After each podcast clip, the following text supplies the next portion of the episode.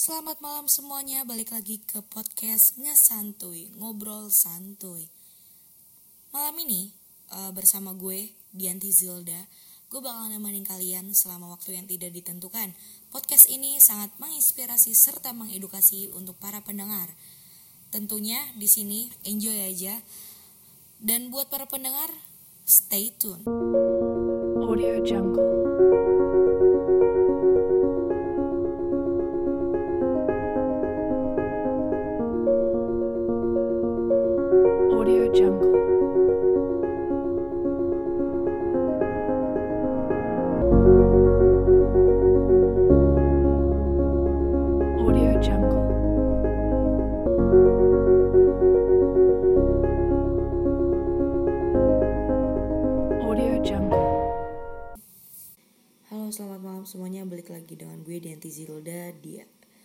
Podcast Ngesantuy Ngobrol Santuy. Udah hampir satu bulanan lebih Gue nggak ngupload podcast gue ini. Ada di fase kemageran sih guys. Karena seseorang kan butuh me time-nya sendiri kan. Mungkin dengan gue vakum di dunia per podcastan walaupun podcast ini adalah isi dari kegabutan gue selama di rumah aja ini. Setiap orang itu memiliki kenyamanannya masing-masing. Pas banget dengan tema malam ini yaitu gue bakal ngebahas terkait keluar dari zona nyaman. Penting gak sih kita memikirkan diri kita?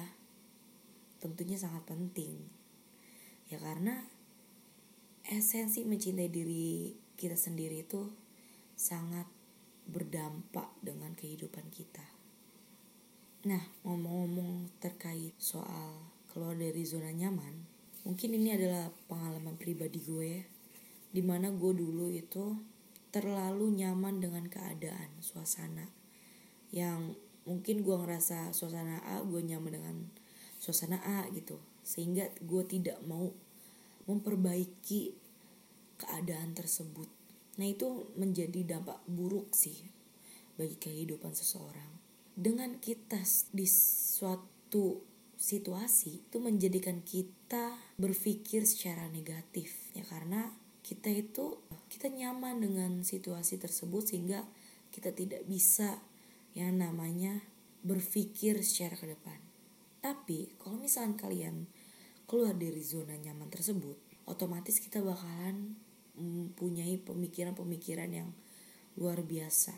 Tentunya dengan berbagai pengalaman yang kalian miliki, otomatis menjadikan sebuah pelajaran bagi diri kalian sendiri. Keluar dari zona tersebut itu dibantu dengan teman-teman gue menjadi support system gue. Menurut gue adanya seseorang yang menjadikan itu menjadi semangat buat lo semakin berkembang gitu. Di saat kita tidak didukung dengan lingkungan kita untuk lebih baik, itu semakin lo harus meninggalkan hal itu karena membuat pemikiran itu semakin negatif gitu. Kenapa sih harus dijauhin gitu? Orang-orang yang tidak mendukung lo buat berproses gitu ya karena di saat lo ingin berkembang tetapi orang lain itu tidak mendukung di situlah adalah sebuah kehancuran gitu dari situ lo harus mikir berarti oh oke okay, gue harus lebih baik gue harus mempunyai tujuan tertentu sih lebih tepatnya nah di saat gue udah ditolong dengan teman-teman gue di lingkungan tersebut ada sebuah semangat gitu buat gue oke okay, gue harus lebih baik. Gue harus lebih baik. Karena gini di saat lo mikir pasti nggak semua orang bisa keluar dari zona nyaman. Kita itu mau terbodohi dengan kenyamanan tersebut kita tidak mengerti atau kita tidak sadar atas keistimewaan yang kita miliki atau privilege yang kita miliki kan. Privilege yang kita miliki itu menjadi sebuah value atau nilai kita untuk menjadi yang terbaik gitu. Makanya kenapa pentingnya kita menghargai sebuah diri kita itu atau mencintai diri kita kata orang sekarang itu. Esensi dari sebuah mencintai diri kita sendiri itu sangat penting untuk menjadi yang terbaik. Ngomong-ngomong soal cinta ada sebuah enam konsep cinta yang dijelaskan oleh John Alan Lee. Dia mengatakan bahwa ada enam konsep cinta itu ada eros, ludus, stroke, pragma, mania, dan agape. Gue pernah ngebahas ini di podcast gue sebelumnya itu terkait filsafat cinta apa gitu kan. Kalian bisa cek aja di Spotify atau di YouTube channel gue di anti KZ. Di situ tuh udah teman-teman gue menjelaskan bahwa konsep-konsep cinta itu ada berbagai macam. Mungkin yang berbeda dengan si John ini adalah tuh jenis cinta yang mania dan pragma.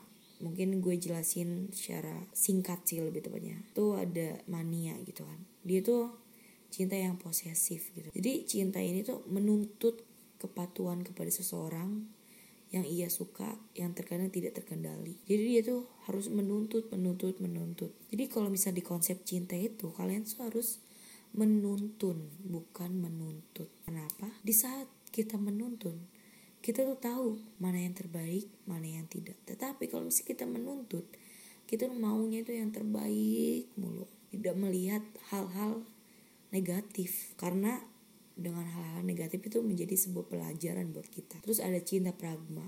Nah, itu dia tuh lebih ke melihat seseorang itu dari uh, pekerjaannya latar belakangnya agamanya dan lain sebagainya.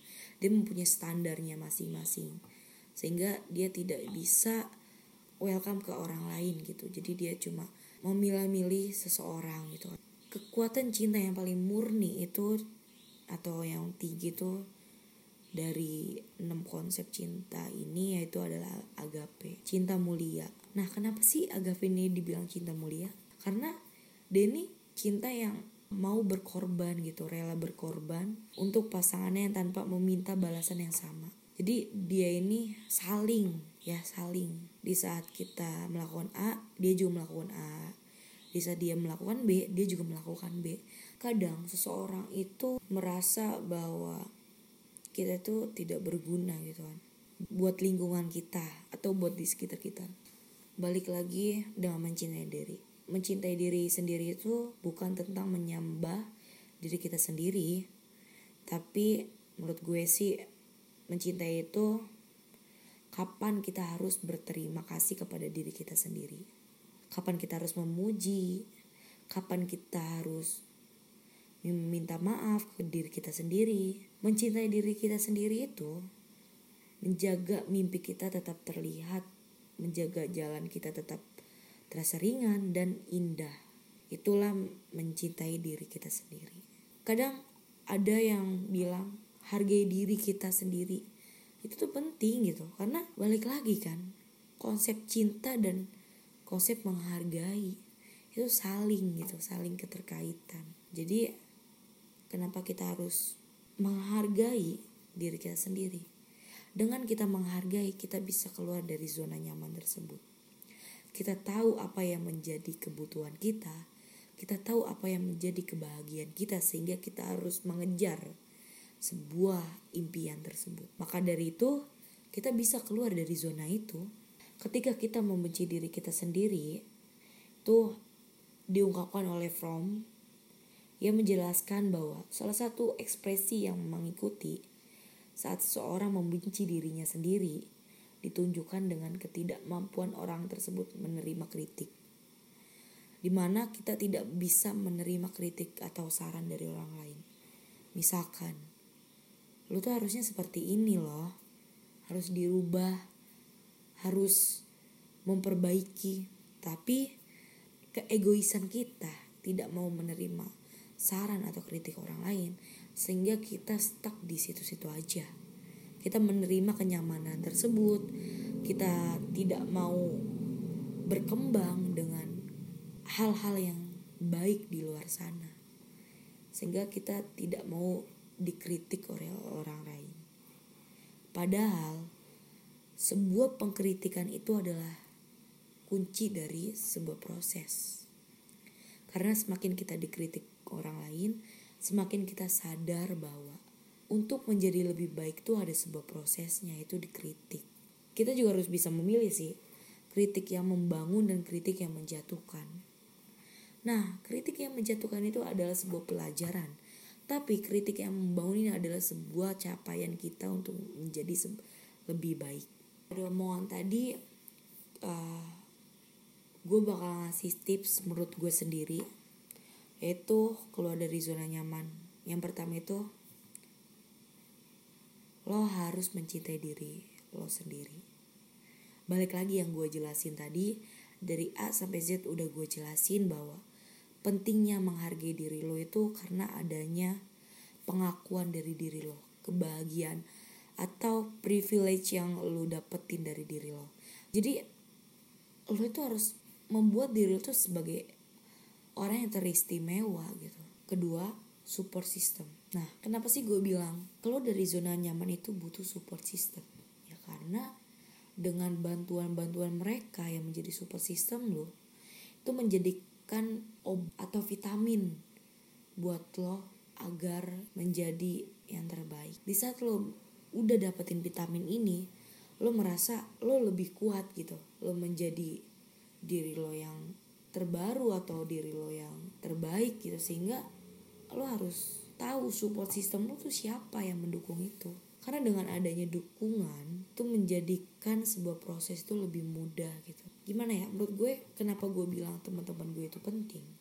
Karena mereka inilah sosok-sosok orang yang dari dulu gue itu mungkin gampang-gampang dibegoin oleh teman-teman gue lingkungan gue dan semuanya orang-orang yang menganggap gue lemah itu dengan adanya support system gue semakin sadar bahwa gue harus lebih yang terbaik gitu. Menurut gue orang-orang itulah yang bakalan ngasih kritik ke lo untuk memperbaiki diri lo sendiri. Terus lanjut lagi yang ketiga itu niat. Nah ini nih kadang tuh kita mikir ya gue tuh mau gitu keluar dari zona nyaman. Tetapi dengan apa ya?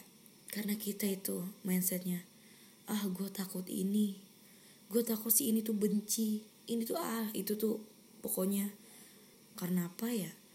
Lo tuh harus tanam nih mindset lo nih bahwa lo ingin menjadi orang yang berbeda. Lo pengen dapetin pengalaman yang baru. Lo pengen survive.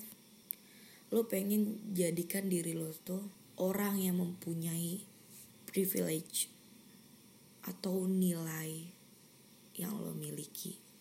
Nah setelah itu mungkin orang-orang tuh emang nggak kebanyakan orang tuh bakal sulit sih buat ngelaksanain ini. Tapi dengan adanya niat gue balik lagi lo bakalan step by step melaksanakan itu dengan mudah gitu. Karena di saat lo udah niat nih mindset tuh udah berubah gue pengen cari pengalaman gue. Gue pengen cari hal-hal baru. Gue pengen punya teman yang banyak. Gue pengen itu yang menjadi sebuah cita-cita lo yang ingin lo capai gitu. Karena gue pernah dulu gitu di saat teman-teman gue belum nge-guide gue itu gue ngerasa kok gue pengen banget deh jadi si A gitu. Yang notabene dia bisa ngelakuin ini itu ini itu tanpa adanya beban gitu. Karena gue udah niat dan mindset gue ini udah gue atur gitu kan sedemikian rupa sehingga gue punya tekad. Nah balik lagi kan gue bilang support system itu perlu. Di saat lu udah niat ada support yang lu dukung itu otomatis lo bisa bakal keluar dari zona lo. Mungkin nggak segampang membalikan telapak tangan kan tapi nikmat sebuah proses itu adalah keberhasilan buat diri lo. Semakin lo melaksanakan proses yang banyak semakin lo bakalan didewasakan oleh sebuah pembelajaran. Keempat itu ada evaluasi atau introspeksi diri. Nah ini nih yang bikin kita itu apa sih kenapa sih kita terus berubah? Kita evaluasi diri kita. Oh oke okay, gue harus berubah karena sifat gue yang buruk ini. Berdamai dengan sifat negatif lo. Karena dengan lo berdamai lo bisa memaafkan semuanya. Dengan lo berdamai lo bisa melaksanakan proses-proses selanjutnya yang lo ingin capai. Setelah lo evaluasi lo introspeksi lakukan apa yang menjadi hobi lu ini yang terakhir. Hobi atau minat baru gitu kan karena lo itu udah menjalani niat atau mindset lo berubah. Jadi hobi lo tuh ingin sesuatu yang berbeda mungkin ya. Di saat lo bisa main bola lo pengen bisa main volley nah itu tuh sesuatu yang berbeda gitu. Di saat lo bisa nyanyi lo bisa main, bermain gitar. Itu tuh suatu hal yang apa ya proses yang luar biasa sih menurut gue. Mindset gue tuh dulu tuh ah gue takut. Gue takut dijauhin sama teman-teman kelompok gue yang kecil gitu. Tapi di saat gue udah mempunyai niat untuk berubah dan gue ingin mencapai hobi gue yang berbeda gitu kan pengen yang terbaik gitu. Sehingga gue keluar dari zona tersebut mencoba hal baru. Kayak misalkan gue kumpul sama teman-teman gue berbeda tongkrongan saling intinya lo itu harus mencari sesuatu yang berbeda dari diri lo tapi tidak menghilangkan apa yang lo punya tapi memperbaiki apa yang ada dari diri lo. Karena sesuatu yang berbeda itu adalah sebuah pembelajaran. Di saat gue dulu nggak suka organisasi dan sekarang gue suka organisasi karena gue pengen ada yang hal yang berbeda dari diri gue. Dari situ ada pembelajaran-pembelajaran yang sangat berharga. Dari situ juga gue merasa sifat yang dulunya gue jadi kekanak-kanakan sedikit menjadi kedewasaan lah. Pendewasaan itu dapat kita peroleh dari sebuah pengalaman maka dari itu ya gue senang makanya. Kalau misalkan ada teman-teman atau orang lain cerita ke gue dan itu tuh menjadi sebuah pembelajaran buat gue. Walaupun gue tidak mengalami apa yang mereka alami tapi gue bisa yang namanya berbagi pengalaman yang gue alamin dan mereka alami. Sehingga gue menjadi pembelajaran lah buat diri gue di saat gue mendapatkan kasus seperti mereka gue bisa mengatasi hal itu dengan mudah gitu. Adalah satu lagi jangan membandingkan diri lo dengan orang lain. Nah ini nih yang kadang menjadi sebuah PR buat hidup gue saat ini juga. Gue selalu membandingkan diri gue dengan orang lain. Padahal setiap manusia itu mempunyai kapasitasnya sendiri. Kapasitas atau keterbatasannya dia sendiri. Sehingga kita tidak bisa menyamaratakan apa yang orang lain punya dan apa yang orang lain apa yang kita punya. Maka dari itu cukup menjadi sebuah pembelajaran. Di saat ada orang lain lebih dari kita, kita ambil hikmahnya sehingga menjadi sebuah motivasi kita untuk menjadi yang terbaik. Nah, balik lagi nih. Jadi, intinya ya lo bisa keluar dari zona nyaman itu kalau misalkan lo udah mencintai diri lo sendiri. Terkadang kita itu selalu terlalu sibuk mencintai ini dan itu. Bahkan kita lupa akan mencintai diri kita sendiri. Gue sih pengennya itu hidup dengan sebuah kesadaran. Karena dengan ada kesadaran gue tidak meninggalkan diri gue sendiri. Membenci diri gue bahkan membunuh diri gue sendiri. Karena gue tuh sangat membutuhkan diri gue. Tahu dari esensi mencintai diri gue sendiri. Belajar menerima menyayangi dan mencintai diri kita sendiri dengan anggun sehingga lelah pun iri melihat romantisnya kita dengan diri kita sendiri. Mungkin itu saja yang dapat gue sampaikan. Ini adalah sebuah pembelajaran yang selama ini gue dapetin. Karena dengan sebuah pengalaman yang udah gue laluin itu adalah menjadi kedewasaan gue. Gue Dianti Karamin Nazil pamir undur diri. Sampai jumpa di podcast selanjutnya.